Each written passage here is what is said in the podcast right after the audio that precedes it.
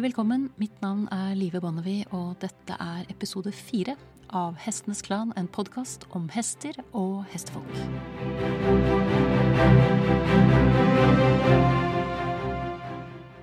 I første episode forsøkte jeg å gi deg noen illustrerende eksempler på hva jeg oppfatter som dårlige rideskoler. Og jeg har bestemt meg for å utdype noe av det jeg snakket om i samme episode, nemlig forskjellen på et hardt og et mykt blikk, og ikke minst viktigheten og verdien av å oppøve og bevare dette myke blikket i samspillet med hestene. Jeg tenkte jeg skulle gi deg noen refleksjoner knyttet til ting som jeg har erfart når jeg selv har vært ute i felten, ting jeg har opplevd som på ulike måter har lært meg mye om hva folk er, og ikke minst hva hester er, og hvordan vi best håndterer og rir dem. Det er min erfaring at mange som driver kommersielt med hest, blir hardere med årene uten at de merker det selv. I ytterste konsekvens er overgangen mellom et mykt, idealistisk blikk og et hardt og kynisk et så gradvis at vi risikerer å ende opp som grader av dyremishandlere uten at vi har vært klar over det. Et virkelig grelt eksempel på et hardt blikk kom med dokumentaren Griseindustriens hemmeligheter som ble vist på Brennpunkt sommeren 2019. Det var en meget grafisk dokumentar som med rette utløste stor harme, men de færreste som så den, hadde et forhold til forklaringen på hvordan det kunne gå så galt. Det vi var vitne til, var ikke noen få råtne epler. Det var resultatet av en systemfeil som både politikere og forbrukere er en del av. Jeg skal ikke bestride at vi fikk se onde handlinger, men jeg bestrider at det ble utført av onde mennesker. De ble utført av mennesker som over årene hadde blitt mer og mer avstumpet, desillusjonerte og bitre. Hvis rammene er trange, økonomien under press, og man legger ned stadig mer arbeid uten at det reflekteres i inntekt og overskudd, er det fort gjort å bli mindre følsom og mer kynisk. Dette her er en overlevelsesstrategi som naturen har utstyrt oss med. Det er ikke i bunnen av Maslows behovshierarki du finner personlig vekst. Det er på toppen. Jeg skal være veldig rask med å legge til at det ikke finnes noen unnskyldning for det vi var vitne til. Men det finnes forklaringer, og det finnes medskyldige. Meg, for eksempel, som inntil i fjor sommer nøt godt av billig og velsmakende svinekjøtt. Men nå, ett år senere, gjør tanken meg fortsatt kvalm. Sannheten er at det er lett å bli hard i blikket, hard i mentaliteten, og hard mot både hester og mennesker over tid, særlig når penger er en del av ligningen. Greed is good, proklamerte Gordon Gekko i filmen Wall Street i 1987, helt på tampen av jappetiden. Men som du husker, gikk det ikke særlig bra med ham. Og drøyt 30 år senere mistenker jeg at selv de som sitter på bakerste benk, begynner å innse at grådighet og kynisme kanskje ikke akkurat er det verden skriker etter nå. Sannheten er vel heller at vi trenger noe så banalt som balanse og kjærlighet. Og er det noen som kan hjelpe oss på veien mot en mer balansert og kjærlig verden, så er det hestene våre. De første to menneskene jeg jobbet for i hestebransjen, lærte meg på ulike måter noe veldig verdifullt, både om det å være menneske, det vil si hva slags menneske jeg ønsker å være, og hvordan det er å være med hester, det vil si hvordan jeg ønsker å være med hester. Og ikke minst lærte det meg noe om hvor stor forskjell det er mellom å se verden med harde eller myke øyne. Jeg tenker jeg starter med å si litt om det harde blikket først, så det er unnagjort. Den første stallen der jeg begynte å ri, så opplevde jeg at uh, datteren til hun som drev stedet, uoppfordret foreslo at jeg kunne ha hesten hennes på fôr en gang eller to i uka. Kom litt spontant ut av at jeg hadde gitt uttrykk for at jeg ønsket å ri litt mindre på banen, og mer på tur og bare tilbringe tid med hester. Og jeg ble veldig stolt og veldig glad når hun spurte meg. For det var en nydelig hest hun hadde, og jeg syntes det lå stor tillit i forslaget hennes.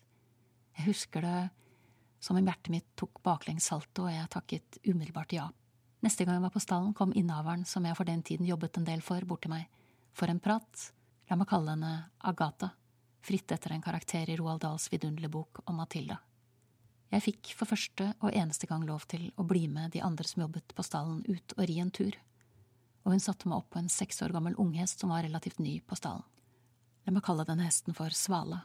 Jeg husker hvor berørt jeg ble av tilliten Agatha viste meg, jeg følte meg sett i min utvikling som rytter, og da vi red ut fra tunet, kjente jeg stoltheten vokse fram i brystet. Men den smuldret snart bort, for det gikk ikke særlig bra. Svala var, som meg, fortsatt ung, ganske urutinert, og i tillegg var hun svært plaget av sommereksem, så fluene og insektene i skogen gjorde henne bortimot desperat hver gang vi stoppet opp, og vi stoppet ofte. Hun slo med beina og halen, forsøkte å børste bort insektene ved å gå gjennom alle kratt vi red forbi, og jeg hadde verken hjerte eller evne til å hindre henne. Jeg følte meg langt utenfor både komfortsone og kompetanseområde, og jeg tenkte ikke minst at hun burde hatt en solid runde med fluespray før vi red ut i sommervarmen, av dyrevernmessige hensyn. Det ble en ydmykende og ubehagelig opplevelse både for meg og hesten, og det ble ikke bedre da vi kom tilbake til stallen. Da kom Agatha bort til meg og kunne kort orientere om at jeg ikke var god nok til å ha hennes datters hest på fòr ennå, noe jeg sikkert selv hadde skjønt nå, og hun kunne også informere meg om at avtalen jeg hadde gjort med datteren hennes, ikke lenger gjaldt. Så hun hadde altså ikke satt meg opp på unghesten fordi hun tenkte jeg var klar for det, hun hadde gjort det for å sette meg på plass. Jeg kan retrospektivt tenke meg ganske mange andre, mer skånsomme måter jeg kunne fått denne beskjeden på. For det var ikke Svala jeg skulle ha på fòr. Det ville jeg aldri drømt om å foreslå. Det var en tålmodig og solid læremester på godt over 20 år, som den følsomme og kloke datteren på stallen visste ville ta vare på meg, akkurat som jeg ville ta vare på ham.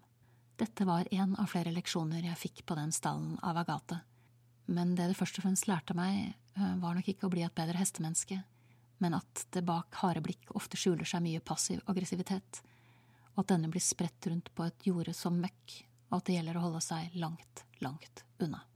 Det det som virkelig åpnet øynene mine når det gjaldt hva harde blikk kan være og hvor lite de har vært, var historien fra da Agathe deltok på en kurssamling noen år senere. Det var lenge etter at vi hadde skilt lag. Det var i påsken, og en av kursdagene falt tilfeldigvis på 1. april, og noen av de andre deltakerne bestemte seg for å spille Agatha et puss. Hun hadde en brun, ganske anonym hest, som til forveksling lignet en av de andre hestene på kurset. Så litt utpå kvelden natt til 1. april byttet to av hestene i stallen plass. Tidlig neste morgen møtte morgentrøtte deltakere opp i stallen, og hestene ble pusset. Men Agatha, som var min første inngang til hestenes verden, fanget ikke opp at det ikke var hennes egen hest gjennom mange år hun sto og gredde mannen til, men en helt annen hest som til forveksling bare hadde samme farge. De andre deltakerne moret seg stort og forventet en snarlig avsløring med påfølgende latter og moro, men den brune hesten som sto i feil boks, ble ikke bare pusset, den ble salet opp og leid ut av stallen uten noen merknader fra gata. Jeg tipper det var flere som stusset kraftig på dette tidspunktet, men ingen avslørte aprilspøken. De leide hestene sine ut i ridehuset, steg opp, og det ble ridd en full ridetime på 45 minutter, der to av deltakerne hadde byttet hest, men bare én av dem oppdaget det. For meg er dette et av de grelleste eksemplene på hvordan et hardt blikk og en hard mentalitet kan slå ut. Så hardt er blikket altså at man ikke er i stand til å gjenkjenne sin egen hest. Ikke et forbilde å strekke seg mot, tenkte jeg men jeg hadde allerede forlatt åstedet for lenge siden og fortsatt min reise med hester på en annen stall. Og det var heldigvis en stall som var drevet av folk som var av en helt annen støpning. Jeg hadde ikke råd til å betale full stalleie på den tiden, men jeg gjorde en avtale med ekteparet som drev stallen om at jeg kunne jobbe for dem ved siden av skolen, og det ga meg en viktigere innsikt i at ting kan gjøres veldig forskjellig når man driver en stall. Her var det ryddige forhold. Jeg fikk ikke bare noe igjen for arbeidet, men jeg fikk alltid noe som var i tråd med det vi hadde avtalt. En annen ting jeg veldig fort oppdaget, var at ekteparet som drev denne gården, hadde lang erfaring med hest, men det hadde ikke gjort dem harde. Det hadde bare gjort dem klokere og mer erfarne, som er det som kjennetegner gode hestekarer og gode hestekjerringer. Jeg fikk et veldig godt eksempel på denne klokskapen etter en famøs gjeting av fredede gjess på gressplenen nedenfor Bogstadgård. Jeg kan gjenskape denne historien når som helst som om det skulle vært i går. Jeg og to av mine beste venninner hadde ridd i Bogstad, kjøpt godteri som vi pleier, og var på vei tilbake til stallen.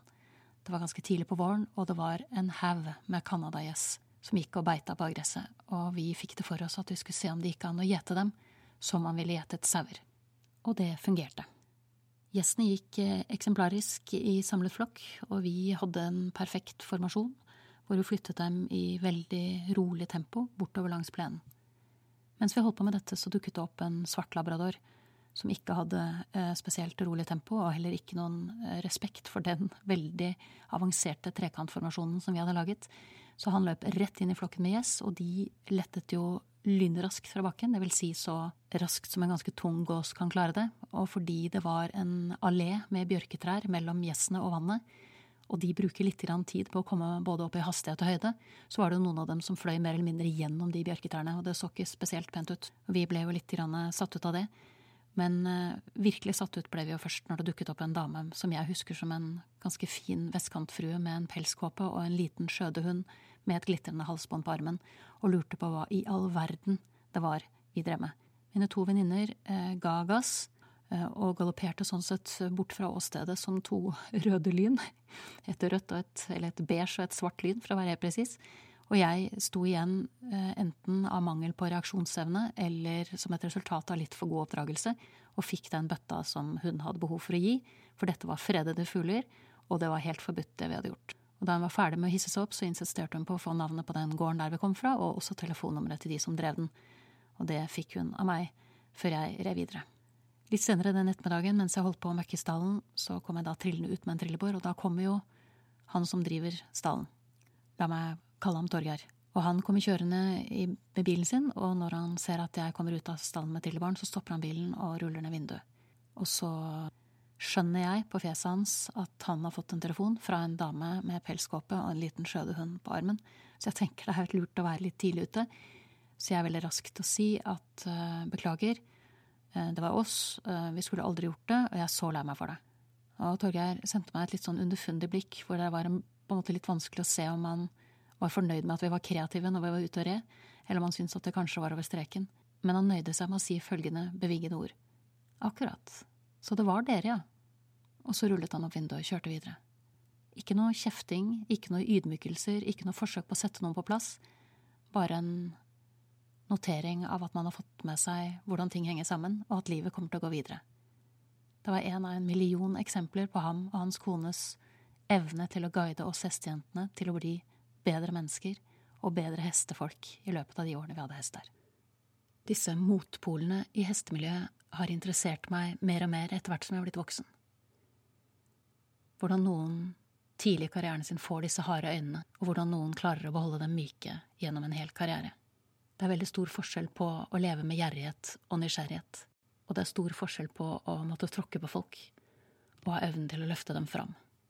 Jeg vil påstå at å tilbringe tid med hester alltid potensielt vil lede til personlig vekst. Men når det gjelder de som driver staller og trenere, så er det et enormt spenn mellom gode krefter, som får deg til å vokse som menneske, og mindre gode krefter, som skader selvtilliten din, holder deg nede og i ytterste konsekvens snyter eller begrenser deg. Vær derfor svært nøye med hvilke staller du velger å tilbringe tid på, og hva slags trenere og hestefolk du venner deg til for å lære mer. Jeg tenkte jeg i en forlengelse av dette skulle komme med noen betraktninger rundt myke og harde blikk hos hestetrenere som jeg har besøkt. Hvis du ikke har merket det ennå, så vil du tidsnok oppdage at alle trenere har et repertoar. De er gode på det de er gode på, men kan ha betydelige huller i sin kompetanse på andre felt. Det å drive med hest er komplekst nok til at ingen av oss noen gang vil bli fullt utlærte. Let derfor ikke etter én guru men hold deg i bevegelse. La hesten være den som avsier dommen. Hent det beste fra de beste, og forkast det som ikke kan brukes. Og glem alt som smaker av fix og snarveier. Med en hest må alt bygges stein på stein, og har du slurvet med fundamentet i bunn, vil det innhente deg før eller senere. Eller rettere sagt, det vil innhente hesten din, som typisk vil være den som må stå til ansvar for manglende progresjon hvis du er en rytter med ambisjoner. Det er ikke få ganger jeg har opplevd å være på et helgekurs hvor det står en instruktør i midten av en rundpaddock eller midten av en ridebane og bedyrer at i løpet av den helgen som du deltar, så vil du få på plass det som er basic, og det er uansett hvilken del av underskogen du snakker om. I løpet av de to–tre dagene kurset pågår, så påstås det at du vil kunne komme hjem med noe som vil være fundamentet for alt du trenger for å gå videre. Nei, det er ikke sånn verden fungerer. Verden er ikke forutsigbar. Den er ikke enkel, og den er ikke svart-hvitt. Den er uforutsigbar og full av grå nyanser. Ikke rart religion tiltaler oss, tenker jeg ofte, for den tilbyr jo nettopp en oppskrift på å takle livets uforutsigbarhet, akkurat som mange av guruene i hestemiljøet tilbyr det samme, en oppskrift som garantert fungerer, hvis den bare følges til punkt og prikke. Forstå meg ikke dit hen at jeg er imot enhver treningsskala eller ethvert system som er designet for å gi en hest en god grunnutdannelse. Jeg har bare veldig problemer med at vi låser oss fast i de systemene, på en måte som gjør at vi ikke klarer å møte hesten der den er, i det øyeblikket den faktisk møter oss. Jeg fikk et veldig godt eksempel på akkurat dette da jeg deltok på en klinikk for noen år siden. Det var en trener som skulle jobbe med en PRE-hingst i en picadero. Hvis du ikke har et forhold til hva en picadero er, så er det en firkant på 11 ganger 11 meter. Det vil si omtrent på samme størrelse som en rundpaddock. Og den er laget for å gi en slags ramme rundt en samtale mellom en hest og et menneske. Denne PRE-hingsten var engstelig, og det den nok hest av alt hadde lyst til å snakke med dette mennesket om, det var hvor finnes trygghet i denne situasjonen. Det var ingen andre hester å se, det var 50 stykker i ridehuset som fulgte med fra utsiden, og der sto treneren som det eneste som var i nærheten som hadde en puls, og som ikke så ut som den hadde tenkt å angripe. Følgelig trekker Peré-hesten mot treneren. Treneren er ikke interessert i å få hesten inn i sitt personlige rom, og begynner å vifte med en ganske lang pisk, og vifte ganske kraftig med den pisken. Men det interessante er at denne PR-hesten er så engstelig på dette tidspunktet at det å trekke mot noe som den kan søke trygghet hos, veier tyngre enn denne viftende, raske bevegelsen som den ikke helt klarer å fange opp. Og før det inntreffer, så rekker treneren å si at hvis denne hesten nå ikke trekker seg tilbake, så vil den få en smekk, og det vil være et resultat at den selv har valgt å gå mot et trykk eller mot et press, og det, det vil sånn sett være hestens egen feil, og dit kom vi jo. Hesten fikk en smekk rett over det følsomme området som vi kjenner som hestens mule. Eh, så pisken traff med et smell, egentlig, og hesten kastet seg rundt og løp så fort den bare kunne. Det som så skjedde, var at treneren av en eller annen for meg litt uforståelig grunn velger å legge ekstra press på hesten, nærmest for å understreke at ikke prøv noen gang igjen å gå inn i mitt personlige rom. Og det presset som ble lagt på hesten, var litt for høyt i forhold til hestens størrelse, og størrelsen på picaderoen, fordi en en PRI-hingst er et stort dyr, og når den løper så fort som den kan, så er det jo avhengig av et veldig solid underlag for at den skal faktisk klare å holde seg på beina i disse svingene som kommer veldig raskt. Det blir jo i realiteten som å løpe rundt og rundt. Så på et eller annet tidspunkt så blir presset akkurat litt for høyt, farten blir akkurat litt for høy, og hesten faller i en sky av støv. Og det går et gisp gjennom publikum i ridehuset, men treneren er veldig raskt ute for å bagatellisere det som skjedde. Dette er bare en hest, hester faller, det er sånt som skjer hele tiden i naturen, det er ingenting å bry seg om, og det er helt feil at dere reagerer så negativt på dette, dette er naturlig, dette er en del av hestens liv. Og jeg trodde ikke mine egne ører. Dette var en trener som hadde lært meg veldig mye verdifullt, men jeg må virkelig si at dette her var en dag hvor det ikke var noen ting som foregikk på den banen som var verdt å ta med seg hjem. Og jeg har lyst til å si litt om hvorfor. Men før jeg gjør det, så har jeg lyst til å trekke inn en annen trener som, eh, i motsetning til førstnevnte trener her, faktisk la hester i bakken med vilje. Det var en eh, ganske stygg sak som dukket opp for noen år siden, der en trener med en forholdsvis imponerende merittliste i og for seg, eh, ved flere anledninger brukte hobbel på klinikkene sine. Det vil si at man bandt opp det ene frambeinet til hesten, som er en veldig kjent teknikk for å legge hester i bakken. Mye brukt av cowboyer for 150 år siden, bare for å starte et sted. Og mye brukt av, av en nasjon som fortsatt bruker benevnelsen broken to ride, eller saddle broken, for å beskrive en hest som er temt. Så at det i moderne tid, her i Norge, dukker opp en trener som plukker opp disse gufsene fra fortiden, og mener at det er en glimrende idé å legge en hest i bakken, det er for meg helt komplett uforståelig. Det er viktig å vite hvis man driver med hest, at det å falle er ensbetydende med å være i livsfare for et byttedyr. Og hvis hesten er ute av stand til å reise seg, er det synonymt med døden. Det er bare sånn verden ser ut for en hest. Så for meg er det jo et enormt stort paradoks at noen i Norge, hvor vi har null tradisjoner for å knekke hester på denne måten, i moderne tid, når vi vet så mye vi vet om hester, syns at dette er et glimrende sted å starte. For meg er dette synonymt, det å legge en hest i bakken med makt. Det er synonymt med å ta en rose som nettopp har slått ut i blomst, knørve den i hendene, og så legge den frem for noen etterpå og påstå at den ble fin.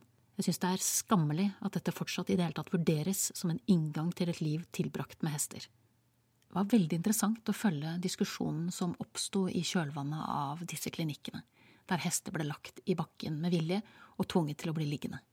For mange mente jo at det ga veldig gode resultater, og da tenkte jeg bare Absolutt, det er det ingen som sitter her og diskuterer.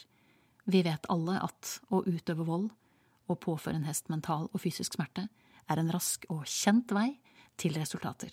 Men jeg syns vi snakker bitte lite grann lite om hva folk som velger denne veien, mister underveis. Det er ikke mange ganger i løpet av den podkasten her jeg kommer til å sitere Bibelen, men dette er et tidspunkt hvor det nesten er umulig å la være. For mitt spørsmål til den gjengen som driver med det her, er som følger. Hva gagner det et menneske å vinne hele verden hvis man taper sin sjel?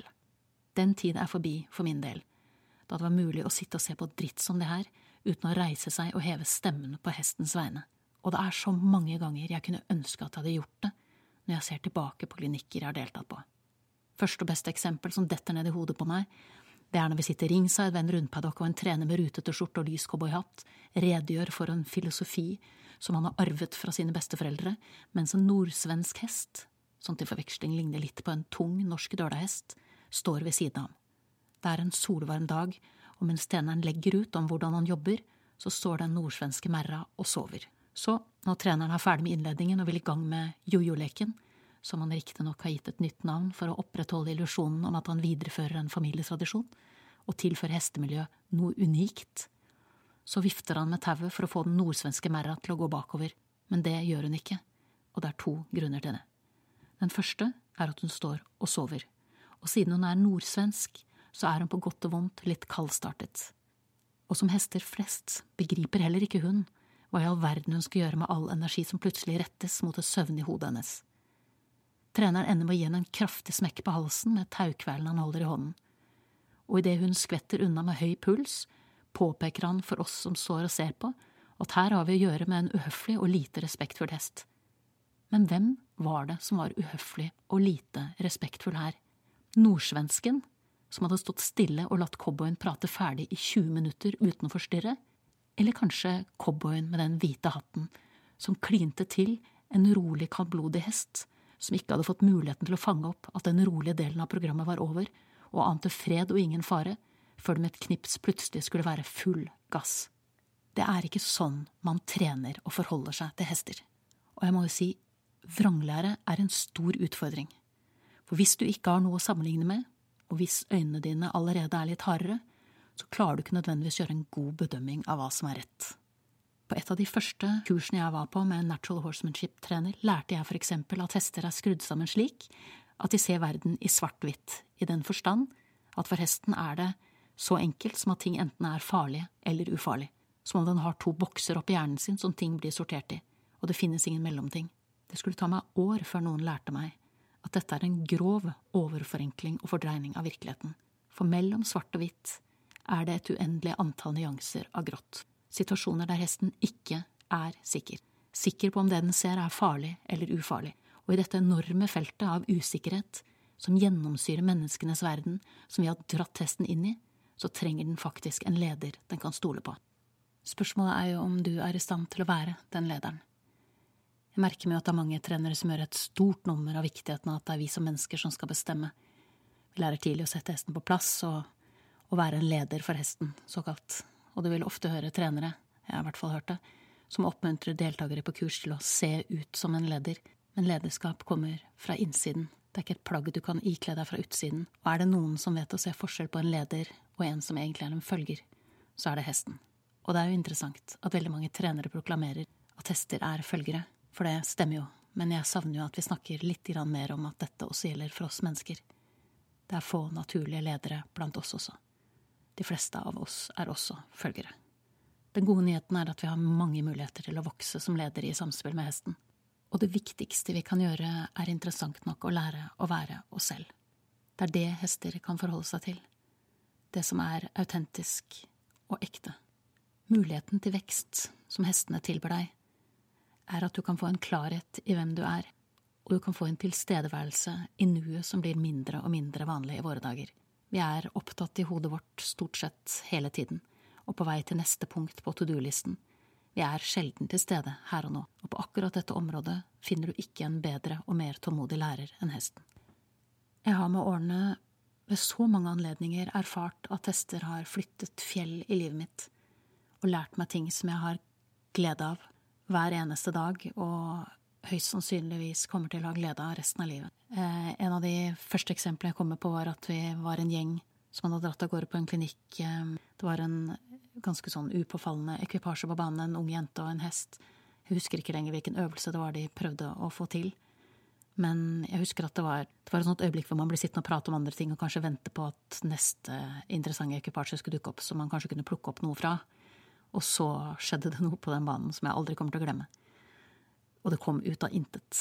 Um, treneren ba den unge jenta Soré om å forestille seg at hun visuelt forestille seg, følelsesmessig forestille seg, at hun åpnet hjertet sitt, og at hun lot all kjærlighet hun hadde i hjertet, flomme ned over hesten under henne. Og vi eh, spisset litt ørene, for det er jo ikke noe som blir sagt hver eneste gang man sitter ringside på en ridebane og følger med på en undervisning. Og det interessante var at den litt kjedelige ekvipasjen som vi hadde sittet og sett på, ble plutselig det mest interessante som skjedde den helgen. Fordi i det øyeblikket jenta gjorde som treneren hadde foreslått, tenkte seg at hun åpnet hjertet sitt og lot all kjærlighet hun hadde i hjertet, flomme nedover hesten, så forandret hele ekvipasjen seg som ved et trylleslag. Utstrålingen til hesten, spensten i steget og måten de kommuniserte til oss som publikum på, var noe som rett og slett tok pusten fra oss. Det ble en så vakker ekvipasje, og øvelsene de så re, ble ridd med en slik letthet, og det var en harmoni mellom dem som som ble så gripende for oss som satt og så på, for kontrasten var så stor fra å være bare et eller annet noe som skjedde nede i et hjørne i andre enden av en ridebane som han ikke forholdt seg til, så tok denne ene lille enkle ekvipasjen oppmerksomheten fra hele området rundt ridebanen og langt forbi, kjentes ut som, og jeg tittet, jeg satt midt på langsiden, jeg tittet til høyre og jeg tittet til venstre, og folk fant fram lommetørklær og Kleenex. Jeg husker vi var, vi var vel i en gruppe på sånn, jeg tror vi kan ha vært en seks-syv stykker som reiste sammen, ja, og vi satt og gråt alle sammen. Og hvor ofte skjer det? Vi bestemte oss jo selvfølgelig da for å invitere den treneren til Norge. Eh, og jeg var en av de som tok initiativet til det, fordi jeg fikk en veldig intuitiv forståelse av at det var noe her som det var viktig å ha med seg på veien videre. Og vi fikk treneren til Norge, og jeg fikk låne en hest av ridelæreren min, som jeg red for på det tidspunktet, for jeg hadde ikke min egen hest akkurat da. Og da vi hadde den første økten, så påpekte treneren at det var noe i meg som holdt igjen når jeg red og ba meg om å utforske litt hvor dette punktet i meg var. Og da jeg satt der, så kjente jeg plutselig at det var sant, at det faktisk var noe i meg som holdt igjen når jeg red. Og det treneren ba meg om, det var å Og jeg mistet på en måte Jeg mistet på en måte litt tak i min egen kjerne, i mangel av et bedre ord, når jeg hadde en overgang fra skritt til trav. Og jeg hadde ridd trav en stund, så, så glapp ting litt for meg, rett og slett. Jeg hadde ikke vært klar over at det var sånn, men da det ble påpekt, så kjente jeg det veldig tydelig, og det treneren ba meg om, var jo å ri en overgang fra skritt til trav, og med en gang jeg merket at jeg mistet taket i meg selv, så skulle jeg ta hesten ned i skritt igjen. Så jeg gjorde som jeg fikk beskjed om, og hele tiden oppmuntret treneren meg til å prøve å finne ut hva er det dette punktet i deg som holder deg tilbake, forsøker å fortelle. Og jeg ba hesten gå fra skritt til trav, mens jeg kjente etter så godt jeg kunne. Og når ting glapp eller jeg ble usikker, så tok jeg hesten ned i skritt. Og det interessante for meg var at da vi hadde gjentatt, da hadde gjentatt dette en tre–fire ganger, så var det som om hesten forsto hva det var vi lette etter. Så jeg trengte ikke ta han ned igjen i skritt når ting glapp for meg. For det merket han, og han gikk ned i skritt selv. Og jeg trengte heller ikke be han gå fram i trav fordi han gjorde det med en gang han merket at jeg begynte å lete i det riktige området. Så dette enormt fascinerende samspillet jeg fikk med den hesten, i jakten på dette punktet i meg selv som jeg ikke var klar over at var der, men som jeg i løpet av den ridetimen både fant ut hva var og hvor kom fra. Og interessant nok, det var noe jeg hadde hatt med meg i mer enn 30 år på det tidspunktet. Så klarte den hesten, ved å bare være det sanselige dyret som hester er, og hjelpe meg både til å finne det punktet i meg selv som holdt meg tilbake, identifisere hva det var, og legge det bak meg. Sånn at når jeg red videre, så hadde jeg det litt som den jenta vi så i Sverige. Jeg red videre med en annen harmoni og en annen balanse. Og det at den hesten, som ikke engang var min egen hest, klarte å fange opp hva jeg kjempet med, og klarte å på en måte omfavne det, det kommer jeg aldri til å komme over. Du har hørt episode fire av Hestenes Klan, en podkast om hester og hestefolk. Takk til min faste komponist Fredrik Blom, og takk til deg, kjære lytter, for tålmodigheten. Måtte hesten for alltid være med deg.